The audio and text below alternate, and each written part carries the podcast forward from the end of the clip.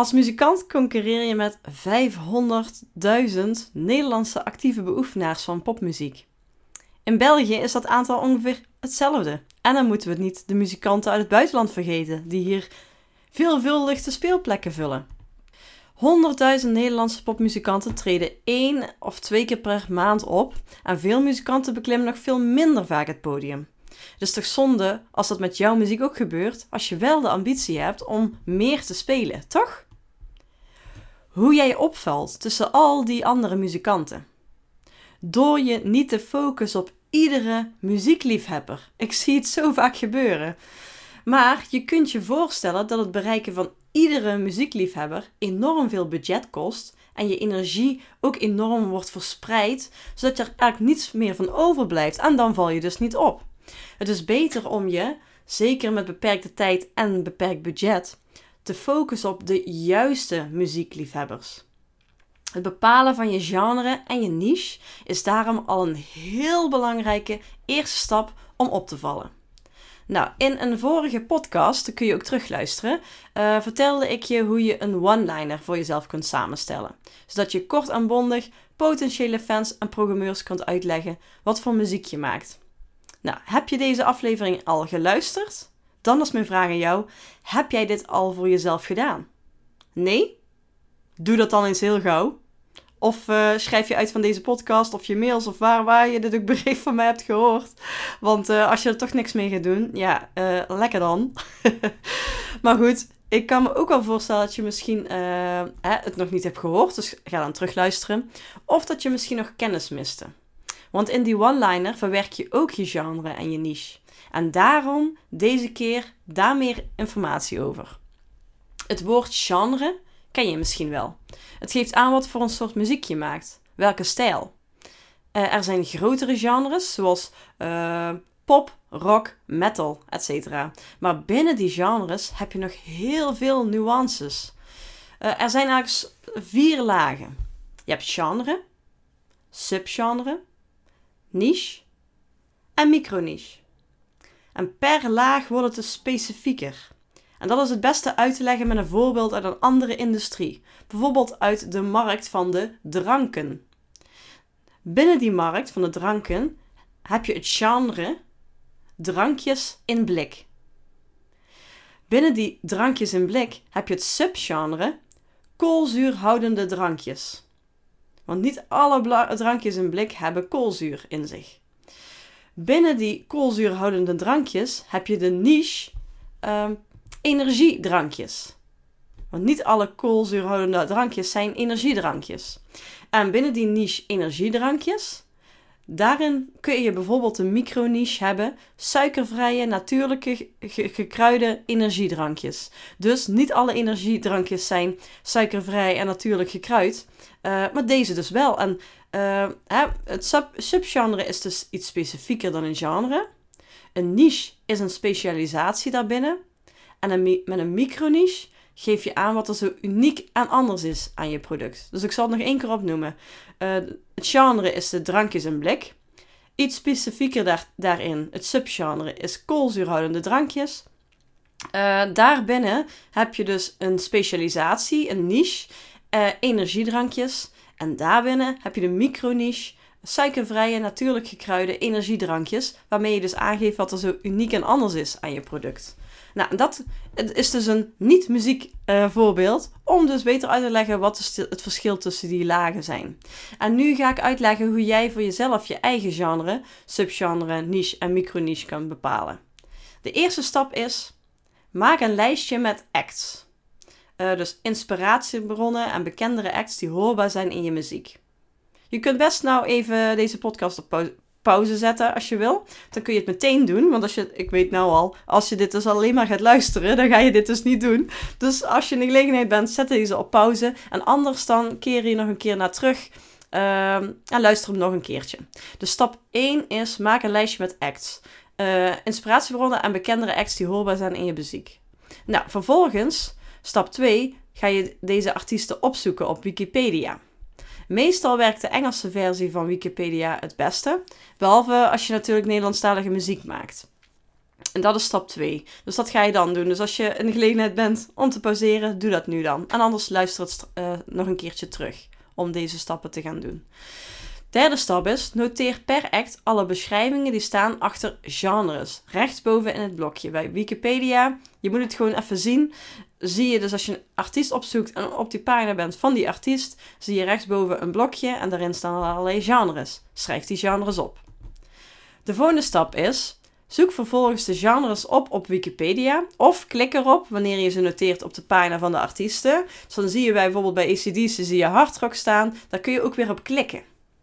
Uh, dan kom je dus op een aparte pagina van uh, dat genre.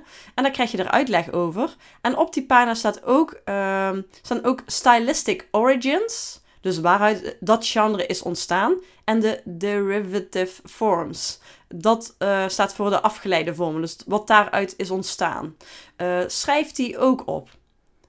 dus die staan ook weer rechtsboven. En schrijf dus de stylet stylistic origins en de derivative forms ook op. Nou, dat heb je dus nou gedaan voor alle artiesten. Van alle artiesten heb je alle genres die je rechtsboven kan vinden op een pagina. Vervolgens heb je op die genres doorgeklikt. Heb je die twee vormen, uh, al die namen van de genres ook opgeschreven. En nu heb je een lijst vol beschrijvingen van genres en niches. Nu ga jij die van jezelf bepalen. Uh, pik er maximaal zes beschrijvingen uit die het vaakst terugkomen. Dus ga terugkijken, oké, welke beschrijvingen komen dus het vaakst terug en pik er daar een stuk of uh, zes uit. Uh, waarvan je ook denkt, oh, dat, inderdaad, dit heeft, zou wel eens betrekking kunnen hebben op de muziek die ik ook maak. Uh, maar hoeft dus niet 100% te zijn. Want je kunt straks in je micro-niche uh, ook uh, mix, mixen aangeven. Waardoor je jezelf juist weer onderscheidt. Dus, maar vaak werkt het wel het beste als je dus de beschrijvingen pakt die het vaakst terugkomen. Dus nou, stel je hebt het in een, in Excel gedaan of zo. Maak die, die het vaakst terugkomen even een ander kleurtje. En de volgende stap, dat is dan de laatste stap. Nu ga je puzzelen. Je hebt nou een stuk of schrijf, zes beschrijvingen. Uh, wat is nou jouw genre, subgenre, niche en microniche? Wat voelt voor jou goed? Wat voelt voor jou kloppend? Uh, nou, en ik zal nog wat voorbeelden en uitleg geven, zodat jij daarmee aan de slag kunt gaan. Genres zijn dus de grote genres, zoals pop, rock, country, etc. Subgenres zijn iets kleiner dan, uh, iets kleiner dan een genre, dus bijvoorbeeld poprock, country blues, singer-songwriter. Nou, een niche hier kan het wat lastiger worden. Het betekent niet altijd meer woorden, maar wel een kleinere doelgroep. dus wees er niet bang voor om voor een kleinere doelgroep te gaan, zodat je daar je, al je focus op kunt leggen, zodat je daar groter in kunt worden in dat genre. Daarna kun je altijd weer verder groeien. Als je veel bekende artiesten zijn eerst groot geworden in hun niche en vervolgens uh, wereldberoemd geworden. Maar hun eerste stap was beroemd worden in een niche. Uh, dus de niche is uh, een kleinere doelgroep dan de subgenre. Aantal voorbeelden zijn acoustic folkpop, outlaw country, instrumental jazz, psychedelic rock. En dan heb je de microniche. Uh, daarin vertel je zo kort en bondig mogelijk hoe jij je onderscheidt. Wat is er uniek en anders aan jouw muziek? Mix je misschien twee stijlen met elkaar? Uh, de microniche kan ook wel per album verschillen aan die lagen daarboven toch minder minder. Want dan worden uh, de fans vaak niet heel blij van. Niche kan misschien nog, maar je kunt niet een heel ander subgenre en genre gaan doen. Want dan, er zijn wel acts die het hebben gedaan, maar die, ja, die, een hoop uh, fans zul, je dan kwijtraken. Dan moet je weer opnieuw gaan bouwen. Uh, maar een micro-niche kan bijvoorbeeld best wel per album verschillen. En een niche ook wel. Maar hoe verder je erin komt, hoe makkelijker dat kan. Nou, een aantal voorbeelden van microniches zijn Celtic Fantasy Metal, Dance Rock, Dark Fantasy Electro, Firefighter Country Music, uh, Psychedelic Nederbeat, Happy Hard Rock, dat is die van ons. En dan heb ik nog eventjes drie voorbeeldlijstjes van de vier lagen. Ter voorbeeld, genre metal, subgenre symfonische metal, niche female fronted, microniche Celtic metal. Nog eentje. Genre rock.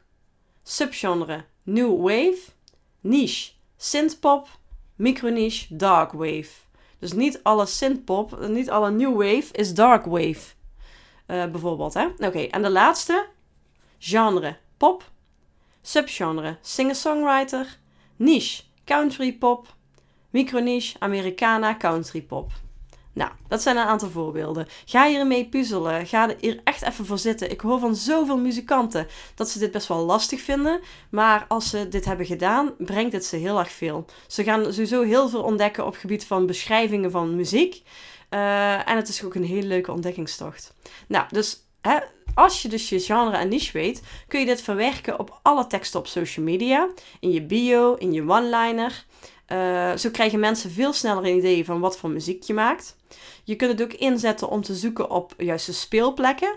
Uh, voor jouw muziek uh, belangrijke blogs, websites, radiozenders, het adverteren op Facebook en Instagram en noem maar op. Dus dit is echt een van de belangrijkste eerste stappen voor de marketing van je muziek. Heel veel succes met vinden van je eigen genre, subgenre, niche en microniche. En vind je dit nou lastig om dit luisterend te doen en wil je dit op papier? Stuur me even een mailtje. Uh, het, het mailadres staat in de show notes, maar het is miriam.onlightning.nl. En laat mij even weten dat je deze... Hè, dit is een, oorspronkelijk een e-mail geweest die ik nou aan jou voor heb gelezen.